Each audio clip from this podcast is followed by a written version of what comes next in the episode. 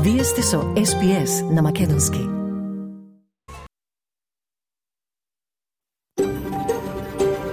SBS, a world of difference. You're with SBS Macedonian on mobile, online and on radio.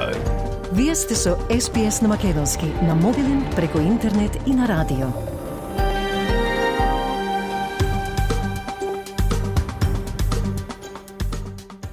СПС им одава признание на традиционалните собственици на земјата од која ја емитуваме програмата Народот Вуранджери Вој Варанг на нацијата Кулен, минати и сегашни. Добар ден, денес е 14 август, а со вас е Маргарита Василева. Повестите поопшено за политичката ситуација во Македонија, каде не стивнуваат реакции по неофицијалната посета на премиерот на Косово Албин Курти, кој се сретна со градоначалниците на Чаири на Тетово. Во Тетово ја немаше македонската химна и знаме, туку само албански знамиња и знамето на голема Албанија, за кое македонскиот председател Стево Пендаровски бара казни за организаторите за игнорирање на символите на државата. Овие теми поопшено покриени во редовниот извештај по вестите. На македонска тема и денешниот разговор кон крајот на програмата, Американскиот сенат се ќе гласа резолуција со кој септември би можел да биде прогласен за месец на македонско-американско наследство. Во резолуцијата се вели дека е важно да се препознаат бројните придонеси на македонските американци во САД во различни области. Резолуцијата доаѓа по барање на обедината македонска диаспора, а Васе Коцев денеска разговара со првиот човек на ОМД Мето Коловски за оваа резолуција. И две локални теми, нова студија покажа дека дека децата од етничките малцинства имаат поголема веројатност да бидат диагностицирани со аутизам и Втора тема – рециклирање на соларните панели. Затоа останете со нас, следуваат сега вестите на СПС со Радица Војковска Димитровска. Радица, повели. Благодарам, Марга. Добар ден и од мене. Во денешниот билтен постигната правна спогодба за убиството на ирански барател на азил на островот Манус во 2014 година. Поранешниот советник на Либералната партија Брус Лерман вели дека ќе бара оштета од милиони долари, откако беше отфрлено обвинението против него за силување. Властите на Хаваи истражуваат дали можело да се направи повеќе за да се предупредат жителите на Мауи неколку часа пред да избијат разорните шумски пожари во кои загинаа најмалку 23 лица, број што и натаму ке расте. Во Македонија не стигнуваат реакциите по неофицијалната посета на премиерот на Косово Албин Курти. И Антони Албанезе ги засилува повиците за државен празник, доколку Матилдите го освојат светскиот коп. Слушајте на. Родителите на иранецот барател на Азил, кој беше убиен за време на немирите на островот Манус во 2014 година, постигнаа доверлив договор со сојузната влада и компанијата за обезбедување G4S. Реза Барати беше претепан до смрт од чувари и други изведувачи за време на немирите во австралискиот притворен центар во февруари 2014 Семејството пред две години поднесе тужба во Врховниот суд на Викторија. Доверливата спогодба не вклучувал никакво признавање на одговорност од страна на австралиската влада. Нови извештај открива дека работниците во основните служби треба да плаќаат дури 70% од нивниот приход за кирија. Извештајот открива дека едукаторите во раното детство, медицинските сестри и работниците во секторот за нега на стари лица, кои работат со полно работно време, можат да си дозволат само едно од 100 изнајмувања. Извршната директорка на Англикеја Австралија, Кейси Чемберс, вели дека ситуацијата е особено тешка за овие вработени во службите кои се необходни.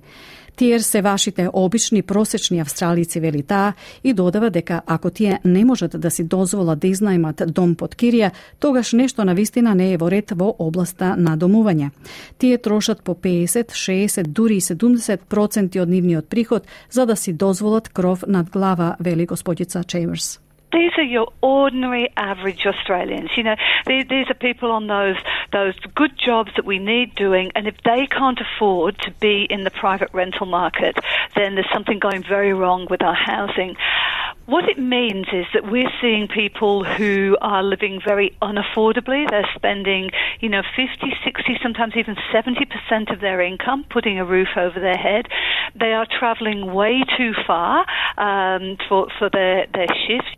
Нови податоци откриваат дека луѓето кои живеат во области подложни на поплави се соочуваат со зголемување од 50% на нивните премии за осигурување.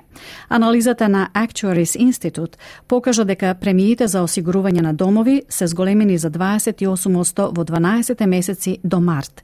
Повисоките трошоци за градежни материјали поради недостиг во синџерот на снабдување е една од причините за поскапувањето на премиите. Шаранџит Падам од Actuaries Institute изјави за за ABC дека осигурувањето на домовите, што во многу случаи изнесува повеќе едно од едномесечен од нивниот едномесечен приход, сега е недостапно за повеќе од милион австралиски домакинства. Last year, we thought it was about one in 10 households. Now it's uh, one in eight, nearly one in eight households. So that's 1.24 million households across Australia for whom home insurance costs are probably more than one month of their income and therefore likely to be well out of their reach. Поранешниот советник на Либералната партија Брус Лерман вели дека ќе бара оштета од милиони долари откако беше отфрлено обвинението против него за силување. Во своето второ интервју за Seven Network, господин Лерман вели дека можеби никогаш нема да може да најде друга работа, откако беше обвинет за силување на Британи Хигинс во 2019 Тој го даде својот одговор на наодите на истражниот одбор на австралиската главна територија за случајот. Беа донесени сериозни наоди против поранешниот главен обвинител на австралиската главна територија Шейн Драмголд, но беше откриено и дека има доволно докази за да се гони господин Лерман. Неговото судење беше прекинато минатата година, откако поротник се вклучи во недолично однесување за време на поротничките размислувања за случајот, а повторното судење беше откажано поради загриженост за менталното здравје на господица Хигинс. Господин Лерман тврди дека е невин и дека нема никакви наоди против него. Тој за програмата Spotlight изјави дека сака милиони долари компензација. It will, it will have to be a multi-million dollar claim because I need to consider the very real possibility that I may never work again. Not that I might have um, 40 years of economic loss. I will never ever be able to work again. Властите на Хаваи истражуваат дали можело да се направи повеќе за да се предупредат жителите на Мауи неколку часа пред да избијат разорните шумски пожари. Пожарите го уништија речиси целото населено место Лајхајна и потврдено е смртта на најмалку 93 луѓе, додека стотици други се водат како исчезнати. Следниот жител вели дека луѓето биле фатени без предупредување. There was no warning. I was paying attention on my phone to the news, okay? oh, it's so many hundreds of miles south. We're going to have some strong winds. It's going to play havoc with our trade winds. Nothing to worry about. Hawaii Josh Green vetova temeljna i transparentna istraga. Over time, we'll be able to figure out if we could have better protected people. That's why we're reviewing everything. We want to do that in a very open and transparent way. Uh, but it, it was complicated by the fact that there were multiple fires uh, across this beautiful island at the same time. Приватната посета на косовскиот премиер Албин Курти на Чаир и Тетово предизвикаа бурни реакции во македонската јавност и обвинувања до владата. Курти се сретна со дел од лидерите на опозицијските партии на албанците, додека средби со официјални државни представници немаше ниту беа најавени. Тој од Тетово порача дека Македонија треба да се држи што поблиску до Косово, Албанија и Бугарија, а што подалеку од Србија и председателот на Србија Александар Вучиќ. Но во Тетово ја немаше македонската химна и знаме, туку само албански знамења и знаме на голема Албанија.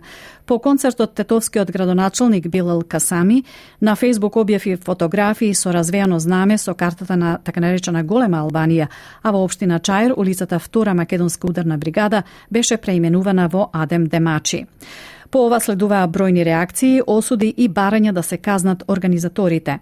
Од кабинетот на македонскиот председател Стево Пендаровски објавија соопштение со кое, како што велат, истакнувањето на цитат, националистичка иконографија што промовира великодржавни шовинистички идеи, го оценуваат како цитат разгорување на етничка омраза. Во соопштението се додава, цитат, организаторите на јавните собири во Тетово и во Чаир мора да бидат законски санкционирани за кршењето на законските одредби во однос на употребата на државното знаме и химна и знамињата и символите на заедниците со целосно игнорирање на символите на државата. Повторно во земјава, премиерот на Нов Јужен Велс, Крис Минс, ги опиша барањата за државен празник, доколку Матилдите го освојат светскиот куп на ФИФА за жени како добра идеја. Тоа доаѓа од како премиерот Антони Албанезе ја подржа идејата за државен празник, доколку тимот победи на турнирот. Водачот на националците Дейвид Литл Прауд рече дека иако целосно ги поддржува Матилдите, државен празник сепак би го чинел бизнисот премногу. Крис Минс вели дека државен празник е добра идеја и дека за тоа ќе разговараат со другите државни премиери кога националниот кабинет ќе заседава следната недела. I think it's a good idea. I'm sort of conscious that there's a couple of games to go, but um, we are in the midst of logistics and contingencies in relation to that. Uh, and obviously, we're talking to the FFA. We will speak to other premiers when National Cabinet meets later this week. Нови бројки покажуваат дека илјадници новозеландјани поднеле барање да станат австралиски државјани неколку недели откако беше отворен новиот пат до државјанство. Повеќе од 15.000 новозеландјани го започнале процесот за австралиско државјанство, откако промените стапија на сила на почетокот на јули. Според измените, новозеландјаните кои живеат во Австралија најмалку 4 години со виза од посебна категорија можат да аплицираат за државјанство. Во тенисот италијанецот Јаник Синер го победи Алекс Деминаур во директни сетови во финалето на Canadian Open. Синер го совлада австралијецот со 6-4, 6-1. Од најновата курсна листа, денеска еден австралиски долар се менува за 0,59 евра, за 0,64 американски долари и 35,92 македонски денари, додека еден американски долар се менува за 55,31 македонски денар, а едно евро за 60,54 македонски денари. Накусо и временската прогноза за главните градови за утре, вторник 15 август. Перт врнежливо, максималната така ќе стаса до 19 степен, Аделаид претежно сончево, максимално 17, Мелбун делумно облачно 13, идентично време се прогнозира и за Хобарт, делумно облачно 13, Камбера утренска слана, а потоа делумно облачно во текот на денот, максимална 14, Сиднеј врнежливо 17, делумно облачно за Бризбен, максимална 27, Дарвин сончево 30 23, sunčevo i za Alice Spring su maksimalno do 31 stepen.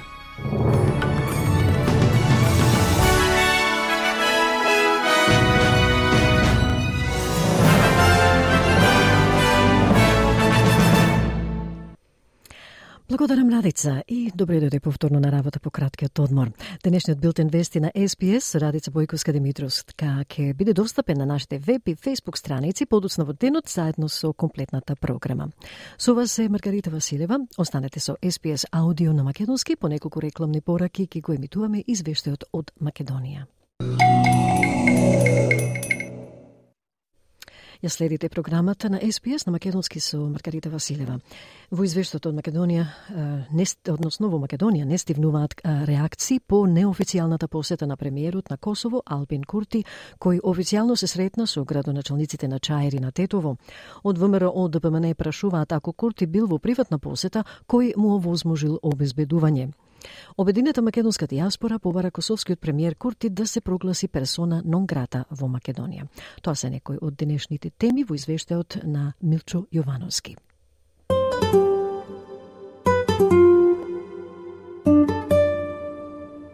Приватната посета на косовскиот премиер Албин Курти на Чаири Тетово предизвика бурни реакции во јавноста и обвинувања до владата. Курти се сретна со дел лидерите на опозицијските партии на албанците. Средби со официјални државни представници немаше, ниту беа најавени. По концертот во Тетово, градоначалникот Билал Касами на Фейсбук објави фотографии со развеано знаме со картата на така наречена Голема Албанија, а во општина Чаир, улицата Втора Македонска ударна бригада беше преименувана во Адем Демачи. Пова следуваа бројни реакции, осуди и барања да се казнат организаторите. Од кабинетот на председателот на државата Стево Пендаровски објавија сообштение во кое како што велат Истакнувањето на националистичка иконографија, што промовира велико државни шовинистички идеи, го оценија како разгорување на етничка омраза. Со ова недвосмислено се напаѓаат основните принципи и вредности на рамкомниот договор, како и концептот на Македонија како мултиетничка држава, се вели во сообщението и се додава. Организаторите на јавните собири во Тетово и во Чаир мора да бидат законски санкционирани за кршењето на законските одредби во однос на употребата на државното знаме и химна и знамињата и символите на заедниците со целосно игнорирање на символите на државата. Тоа е ставот на председателот и во сообщението се додава Во таа насока ги повикувам надлежните органи во најкус може рок да ги завршат пропишаните постапки. Начинот на реализација на идејата за преименувањето на улицата во општина Чаир е во противно со принципот на демократска дебата и почитувањето на историското наследство на сите заедници во државата. Во таа смисла, очекувам надлежните инспекцијски служби да проверат дали приносењето на одлуката е почитуван принципот на двојно мнозинство, кој треба да ги вклучува и гласовите на заедниците кои не се во мнозинство во таа општина, се вели во реакцијата од кабинетот на председател Стево Пендаровски. СДС се прават дека ништо не знаат, за ништо не се виновни, како за промената на имињата на улици, така и за посетата на косовскиот премиер Албин Курти, рече подпаролот на ВМРО ДПМН Наум Тилковски на прес. За подсетување, приватна посета беше и престојот на Јотова и цел бугарски државен врв во Битола за време на отварањето на бугарскиот клуб. Се сокрија и СДС, и Бујар. Истото се случува и сега. Разликата е во тоа што глумење државништво отпосле е срамен чин. СДС гласале за промена на улици, СДС обезбедиле полициски редари и кордони за Курти СДС и нивниот па посакуван кандидат за председател Оливер Спасовски повторно ја доведува Македонија на колена. Изед Меджити, која предводеше така наречената огнена група на Дуи, вчера ја официализираше партијата Демократско движење, која го одржа основачкото собрание околу настаните во Тетово и Чаир, Меджити со став. Ја мислам за знамето може да се третира, ја не, го, не, не видов тоа, ама тоа се случува секојдневно. Ако одиме по тоа, по секој што поставува знамење за Куклиш, за голема Македонија голема Албанија, за такви мислам, треба секој ден да затвараме луѓе. На таа посета, значи, треба да се гледа позитивно, промовира заеднички проекти, како што е патот Тетово Призрен, кој што ќе ги изближи луѓево, ќе придонесе за економски развој, за подобар туризам, ќе ве замолам попозитивно да размислувате. Овладеачкиот СДСМ реагира на објавата од ВМРО ДПМН и ја побара од опозицијскиот лидер Христијан Мицковски да одговори за настаните во Скопје и Тетово за време на посетата на косовскиот премиер Албин Курти. Социјалдемократите бараат Христијан Мицковски да не се крие, да излезе пред јавноста и да одговори за настаните кои беа во организација на неформалните коалициски партнери на Мицковски и ДПМНЕ, алудирајќи на тетовскиот граначалник Билал Касами и лидерот на алтернатива Африм Гаши. Кабинетот на премиерот Димитар Ковачевски согласи со сообщение во кое се вели истакнувањето знамења кои не се државни, како што беше она со картата на така наречена голема Албанија во публиката на концертот во Тетово, е спротивно на протоколите и законите за организирање настани во присуство на државници од странски земји. Ве информираме дека СВР Тетово презема мерки за идентификување на сторителите и целосно расчистување на случајот. Од кабинетот на премиерот е исконтактиран и амбасадорот на Косово во Македонија во врска со споменатата иконографија користена при приватната посета на косовскиот премиер на земјата, се наведува во сообштението. Кабинетот на премиерот Ковачевски посочува дека не се согласува со преименувањето на улица која го носи името на херојската втора македонска бригада и дека локалната самуправа требало изминатиот период поревносно да си ја врши својата работа и до сега да изгради нова улица која ќе именува согласно законските процедури.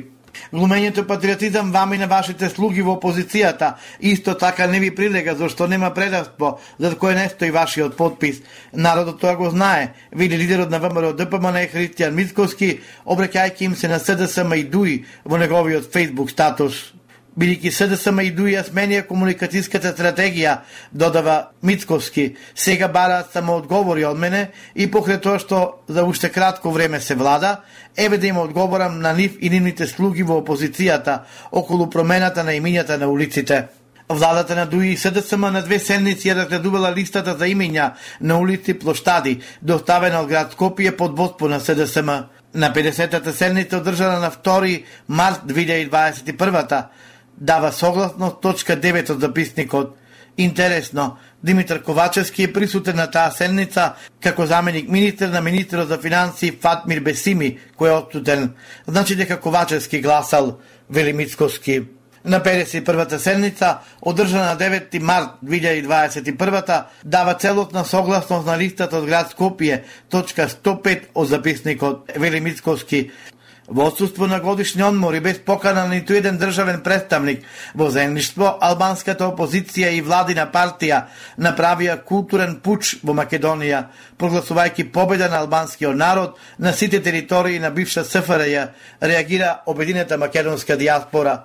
ОМД бара од македонската влада да напише протестно писмо кон Косово и да го прогласи Албин Курти за персона нон грата – за овој тотално недржавнички чин, враќајќи ги сите обележи имења на улици, коригирајќи ги сите албански знамења во согласно со уставот на Македонија и постапување согласно законите.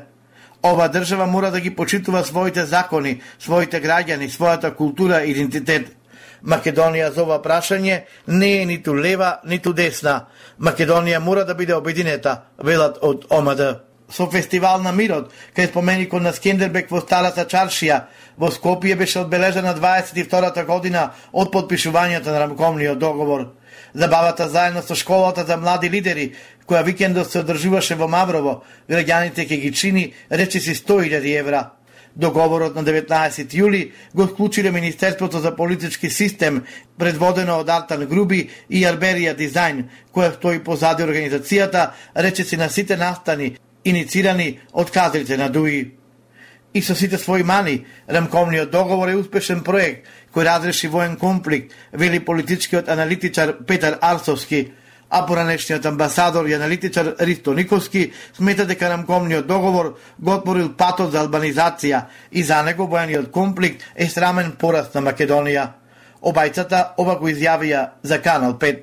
Јас мислам дека рамковниот договор со сите своји мани, слабости и дилеми кои ги имаме ние после две децени од неговото подпишување, сепак е еден од поуспешните проекти кои сме го имале, бидејќи разреши еден воен конфликт и направи една посериозна интеграција на општеството и стабилизација. Сега се разбира дека секој не е до крај задоволен од и ниту од имплементацијата, ниту од содржината на договорот, но така изгледаат тие договори. Се на се, мислам дека е еден позитивен проект.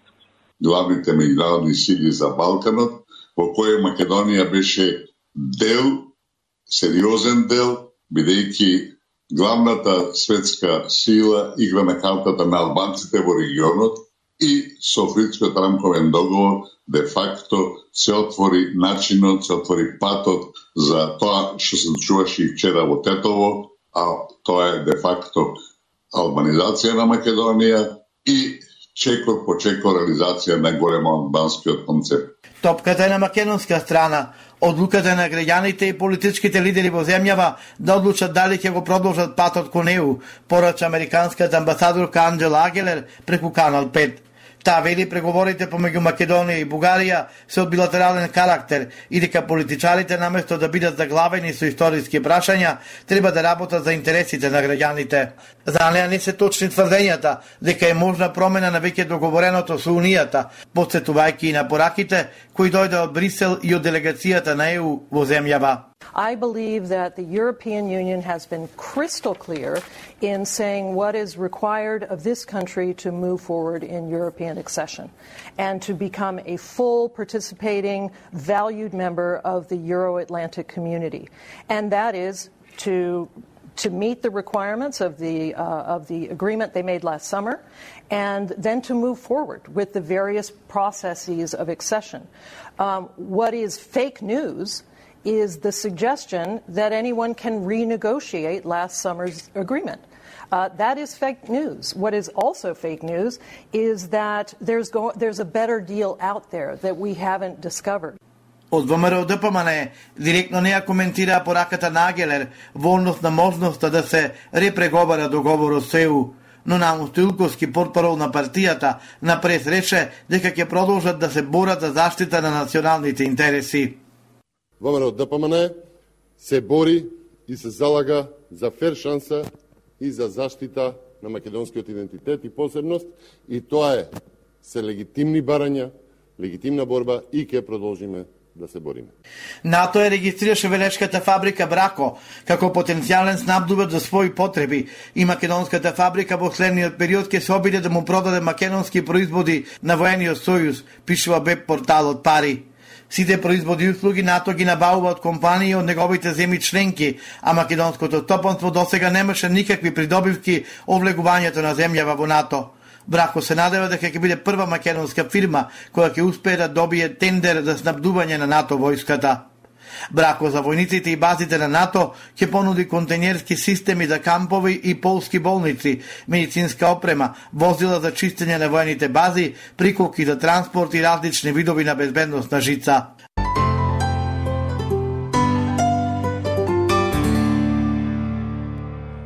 Го слушавте извештајот на Милчо Јовановски за најновите настани во Македонија од 14 август. Доколку барате прилози, посетете ја нашата Facebook страница SPS Macedonian или нашата веб страница sps.com.au коса црта Macedonian. Тама ќе најдете интервјуа и видеоклипови на разни теми, а изборот е огромен. По неколку информативни пораки од SPS ќе преминеме и на локални теми, а потоцна и на разговорот со Мето Колоски, председател на Обединета македонска диаспора во САД за за изгласувањето на резолуција во Американскиот Сенат за прогласување на месец на македонско-американско наследство. Останете со SPS Audio на македонски. Вие сте со SPS Audio на Македонски, а зад микрофонот денеска е Маргарита Василева. Следуваат актуелности од Австралија и светот. Нова студија покажа дека децата од етничките малцинства имаат поголема веројатност да бидат диагностицирани со аутизам. Истражувачите велат дека наодите ја нагласуваат потребата за поголемо разбирање на состојбата, како и повеќе насочена грижа за премостување на недостатоците за малцинските заедници. Подетално во прилогот на Тајсо Кјуци за SBS News, што на македонски го приспособи Радица Бојковска-Димитровска. Кога Шафика Бержауи, мајка на три деца, забележала дека незиниот син не постигнува доволно во неговиот развој, го однела кај педијатар, кој му диагностицирал аутизам. Шафика вели дека тоа за неа било олеснување, бидејќи можела да направи акцијски план за незиниот син и да добие соодветна помош. Ние сме благословени во оваа земја, вели таа, но додава дека сепак помошта е достапна само со воспоставена диагноза. It was a relief to me. It was a relief because I felt like my concerns were validated and I felt like, you know, I could create an action plan for my son and we like you know, we're so blessed in this country, but help is not attainable if there's no diagnosis. So with the diagnosis, I was able to receive more help Синот на Шафика Ајуб сега има 9 години, капитен е на неговиот клас и страстен фудбалер. Неговата мајка вели дека тој имал среќа што бил диагностициран со аутизам рано, но нагласува дека некои во незината заедница се уште придаваат стигма на состојбата. Нешто што не е карактеристично само за заедниците од Блискиот исток, туку и во многу други. Шафика вели дека во моментот кога ќе им кажете на луѓето дека се работи за аутизам – Тие ви даваат сочувство, иако не се работи за болест, туку за состојба за која што треба малку повеќе труд. Не сакам да ми кажуваат, се надевам дека ќе се подобри, вели таа, и додава дека го сака својот син онака каков што е. I think many communities, even outside of the Middle Eastern community, the second you say autism, you get that, oh, I'm so sorry, I hope he gets better. I don't want you to tell me I hope he gets better. I love him the way he is. He's amazing the way he is. But it's just the extra support that goes along with it. There's a bit of extra work that needs to be done, but it's not it's not like a disease. It's not something that someone's going to catch or something like that. Нов проект истражува како мултикултурните групи би можеле да бидат изложени на ризик да заостанат кога станува збор за рана диагноза. Доктор Ифра Абдулахи е еден од водечките истражувачи од Истражувачкиот центар за аутизам Олга Тенисон во Мелбурн. Таа вели дека е потребно разбирање и да се слушнат потребите од самите заедници, но и обширно истражување за потенцијалните разлики и како може тие да се намалат во нашиот универзален здравствен систем, бидејќи секое дете, како што вели, има право на праведна и соодветна подршка.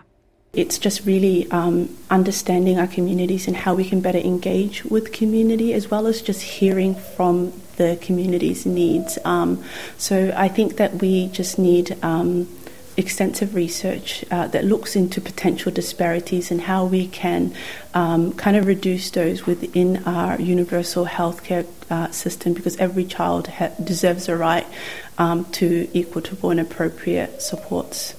Студијата на Универзитетот Ла Троп користеше податоци од пописот од 2016 година за 8 области на локалната власт во Викторија.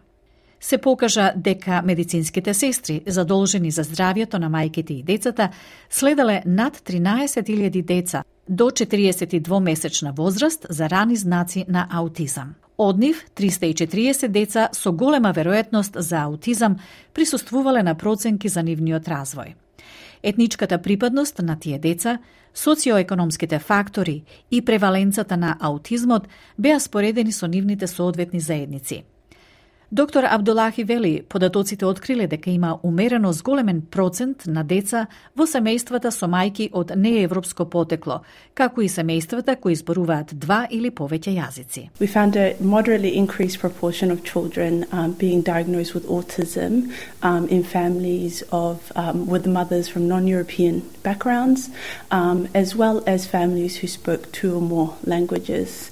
Um, and really, uh, it's essential to note that um, children uh, from families with non European mothers in our study were more likely to have high maternal um, education, high fam- family income, as well as current maternal um, employment at the time of diagnosis. Шафика Бержауи се надева дека наодите ќе помогнат на некој начин да се срушат тие стигми во врска со аутизмот – Таа вели дека луѓето треба да сватат аутизмот не е доживотна казна и дека има помош.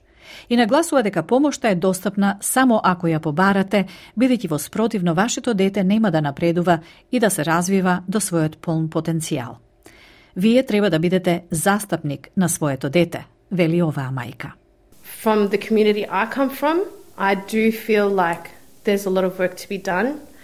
Um, people need to understand that it's not a life sentence. There is help, and unless you ask for that help, your child's not going to progress or develop to their full potential. Um, and you have to be the advocate for that child. Слушате прилог на македонски јазик на SPS Audio со Маргарита Василева. Најголемата фабрика за рециклирање соларни панели во Северна Америка е отворена во Джума, токму кога протокот на искористени и потрошени панели нагло се зголемува. Тоа е првата фабрика за рециклирање на соларна енергија што се отвора во Аризона и веќе се покажува подобра за животната средина. Од прилогот на Еймен Багдади за SPS News.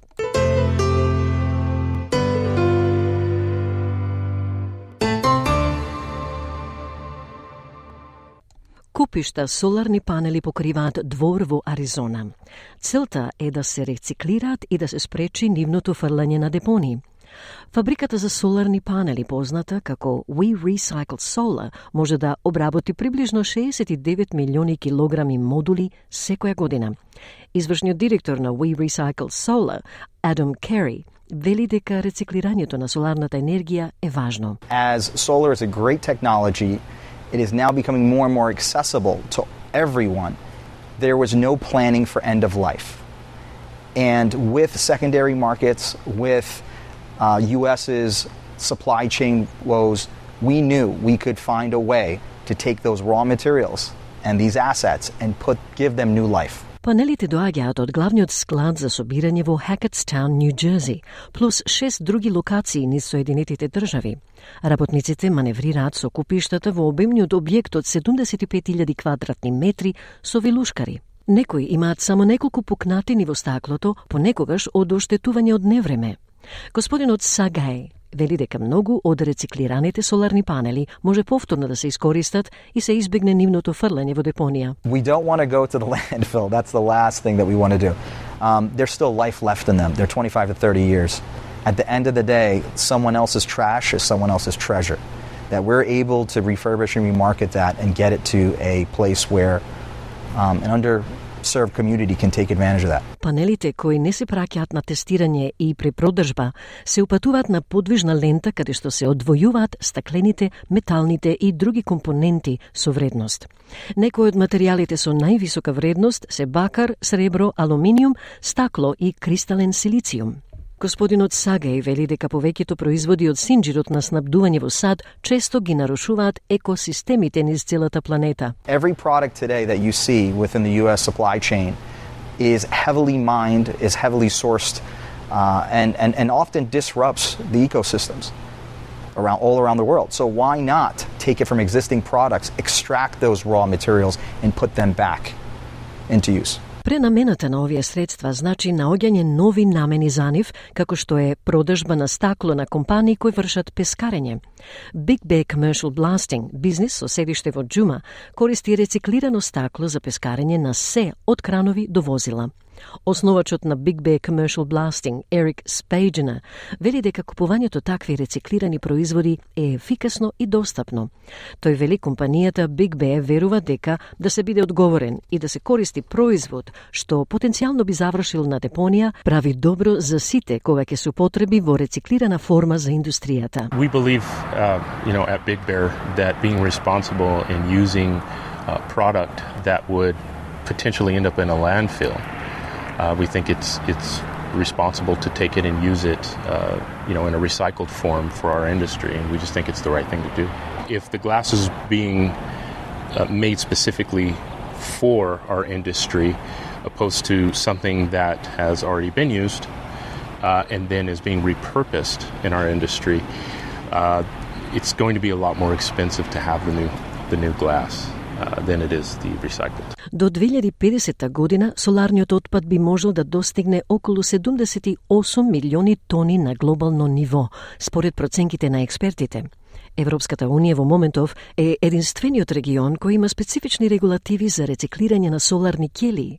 Се проценува дека Австралија ќе акумулира најмалку 1 милион тони отпад од соларни панели до 2047 година.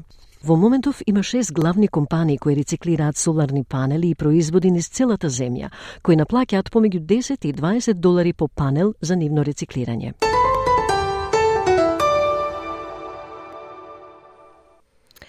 И да подсетам дека сите вести и прилози што ги слушнавте во денешната програма на Македонски на SPS Audio, драги слушатели, ќе ги најдете подоцна во денот на нашите веб и Facebook страници.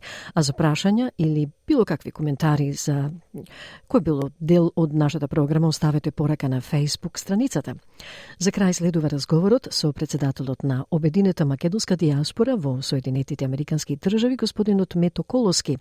Но пред да слушнеме неколку пораки од станицата имаме и сообштение од Федерацијата на пензионерските групи од северниот дел на Мелбурн. Групата ќе ја одбележи независноста на Република Македонија. Денот е се разбира 8 септември, меѓутоа прославата ќе се одржи на 9 септември во просториите на Ferraro Receptions. Адресата е 14 Onslow Avenue во Campbellfield и прославата ќе почне од 11 часот предпладне па се до 5 часот попладне. Доколку барате повеќе информации за оваа прослава, обратете се кај Стојан Анакиевски или кај Косте Колевски или кај Благоја Драгарски на неговиот мобилен телефон 04 12 411318 уште еднаш телефонскиот број за Благоја Драгарски од Федерацијата на пензионерските групи од северниот дел на Мелбурн е 0412 411 318. Вие сте со SPS Audio, новото име на сите програми на SPS. Со вас е Маргарита Василева, време за денешниот разговор. Американскиот Сенат ке гласа резолуција со кој септември би можел да биде прогласен за месец на македонско-американско наследство. Резолуцијата ја поднел републиканскиот сенатор од Индијана Майк Брон. Во резолуцијата се вели дека е важно да се истакнат клучните придонеси и културно влијание на македонските американци во Соединетите Американски држави. Цитат да се препознаат бројните придонеси на македонските американци во САД во различни области, вклучувајќи уметност, наука, бизнис, политика, медицина и спорт, и да ги потекнат граѓаните на Соединетите Американски држави да го одбележат месецот на македонско-американско наследство со соодветни церемонии, активности и програми кои ги почитуваат културните придонеси и достигнувања на македонските американци Затворен цитат. Резолуцијата доаѓа на барање на Обединетата македонска диаспора, а нашиот Васе Коцев денеска разговара со првиот човек на ОМД, Обединета македонска диаспора, Мето Коловски, токму за оваа резолуција. SBS. SBS. SBS. SBS. SBS. SBS. SBS Radio. Господине Коловски, ОМД е поднесувач на оваа иницијатива па ќе ве молам, а кои беа мотивите за да ја поднесете оваа иницијатива? Благодарам васе, поздрав до сите слушатели во Австралија, сите македонци. Баш ми е мило што повторно сум на SPS радио на македонски јазик, што е многу битно и верувам ќе после долги години во промоција и афирмација на македонската заедница во Австралија и, и јазик, култура, историја и традиции, слично како тоа што планираме со овај месец на македонско наследство. Ова е обид на обединета македонска диаспора да се декларира септември како месец на македонско наследство во Америка и во други и во други земји како што сте запознаени, имаше декларации и прокламации од градоначалничката на Вашингтон, градоначалници на други градови, дури гувернерката на Мишиген го прогласа септември 8 како ден на македонците во Мишиген и, и бизнес заедницата. Имавме слична резолуција која успее да биде прогласана од страна на представничкиот дом во Мишиген како држава и работиме на некои други држави исто времено тоа да се а, направи. А, во минатиот состав на Конгрес, а, кој истекува секој две години, имавме слична резолуција од страна на представничкиот дом и од Сенатот. Повторно ќе биде Па, предложена и во представничкиот дом овај состав, но во Сенатот сенаторот Майк Браун, кој е единствениот член од Сенатот во групата за пријателство, кој броја 37 конгресмени, тоа повеќе асоциација на членови на представничкиот дом, но се обидуваме и повеќе сенатори да се приклучат на тоа за да биде во двата домови. Ова резолуција е така почитување на македонската заедница, улогата на македонската заедница во Америка во последниве 150 години, нивната улога во бизнис, во уметност, во спорт, во храна, во медицина, во, адвока, адвокатура, судство и слично. Македонците игра голема улога во, во унапредувањето на Америка историски гледано и така да сакаме тоа да биде признаено и, и почитувано и целта на ова резолуција е председателот без разлика на кој председател на САД го декларира септември како месец на македонско-американско наследство и таа резолуција токму тоа го бара. Ова резолуција не е против бугарите, не е против бугарскиот народ, не е против Грција, грчкиот народ. И секој обид да се наруши на ова резолуција или да се а, работи против тие конгресмени и сенатори кои поддржуваат македонската заедница е очигледно обид од тие служби на Бугарија и Грција кои не сакаат да видат признание на Македон на македонската заедница, македонштината, македонскиот идентитет и кауза.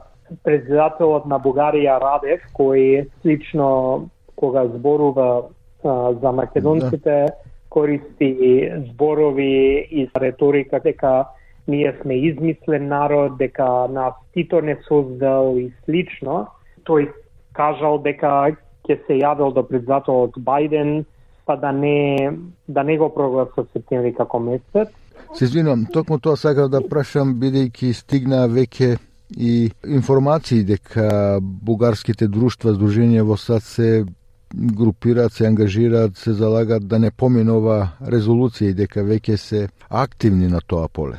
Па, знаеш како, најубаво е да бидат против ова резолуција. Оти тоа го докажува колку бугарите има стварно македонски синдром а, кај нив и мора да си го решат проблемот. Ние постоеме, никаде не одиме и секој обид на Бугарија ќе го одбраниме. Ако таа резолуција не успее во овај состав, ќе го предложиме следниот и ќе се трудиме, дур не успееме и ќе успееме, поради тоа што вистината е на наша страна и не би сакал да, да им давам внимание на бугарите повеќе. А, поради тоа што ова е резолуција за поздравување на македонскиот народ во Америка и улогата на македонците во Америка. Ако бугарите толку ги секираше за бугарштината, може слободно да си има слична иницијатива за бугарската заедница во Америка. Никој не ги брани. Меѓутоа, ги следев и реакциите во Македонија по поднесувањето на оваа резолуција. Во Македонија е поздравена од речиси од сите, од сите политички партии и од целокупната јавност, значи нема овие несогласувања. Значи најде на, на, на добар прием во Македонија оваа резолуција. А, дефинитивно најде на добар прием во Македонија и кај народот таму беше поздравена и од некои од политичките партии во Македонија кои сака да се земат заслуга дека тие работеле и дека нивните политики дојдоа до, до ова резолуција. Не би сакал да, да должам на тоа, но резолуцијата е јасна, која поднесе е јасна, вашиот став, ставот на омода поднос на односите со Бугарија и промените на уставот во Македонија? Улогата на ЈУМ на омада е јасна, но се надевам дека ова ќе даде адут кон македонското општество да не прифати уставни измени во Македонија, да се додава некакво бугарско малцинство. Доколку Бугарија сака нешто такво да се случи во Македонија, мора они да го признаат македонското малцинство во Бугарија и мора да да го признаат официјално и да им овозможат сите права што им следи. А Бугарија тоа не е спремна да го направи, така да Македонија не треба да прифајта а, било какви услови за членство во Европската Унија, мада и доколку не стане Македонија член на Европската Унија, тогаш ќе си продолжи Македонија како што што треба да да биде нација и држава на македонскиот народ со правата за сите, но сепак нема да поддржиме туѓи интереси и присилно. Македонците направија многу отстапки и време е македонците да работат на подобрување на обштеството за сите македонци, а, а не само за тие што се во владата или коалициски партнери а, и слично. Ова резолуција всушност тоа е за да се нагласат придонесите и влијанието на генерациите македонци во САД. Пак ве замолам накратко каде посебно се истекнуваат македонците во американската зеница, каде што имаат влијание? Еве ке, ке спомнам на самиот борд на директори на, на ОМАДА.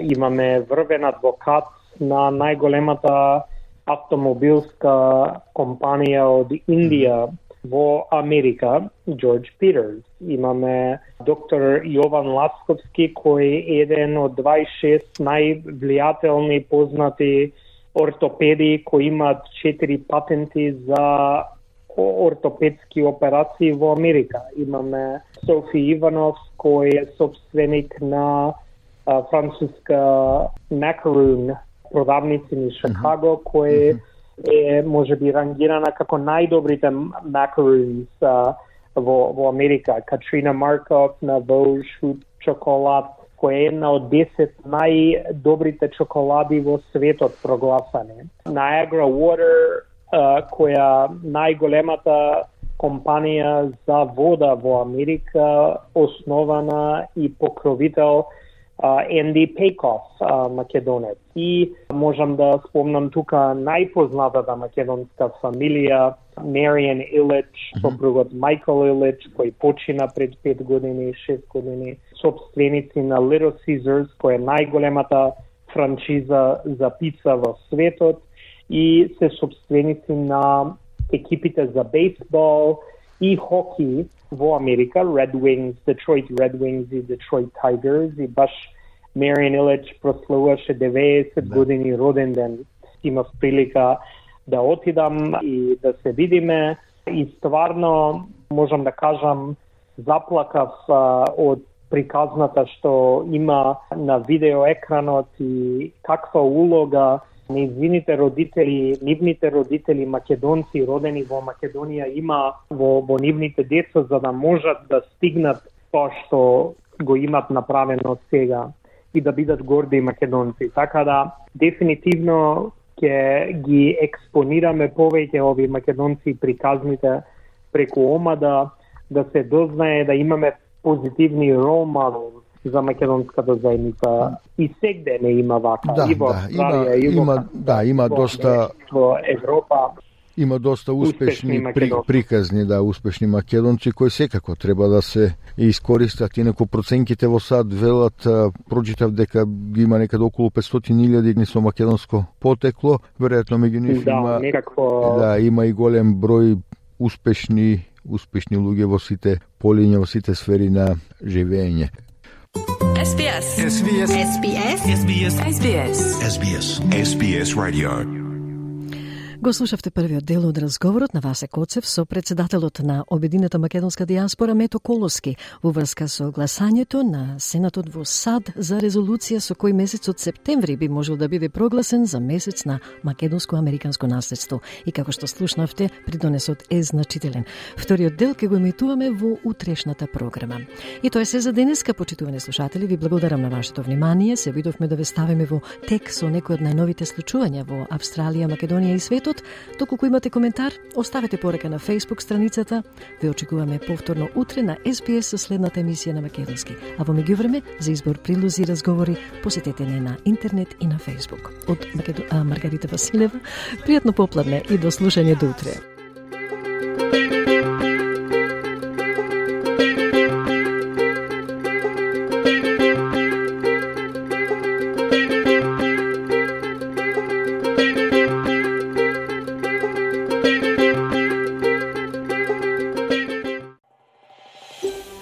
Сакате ли да чуете повеќе прилози како овој?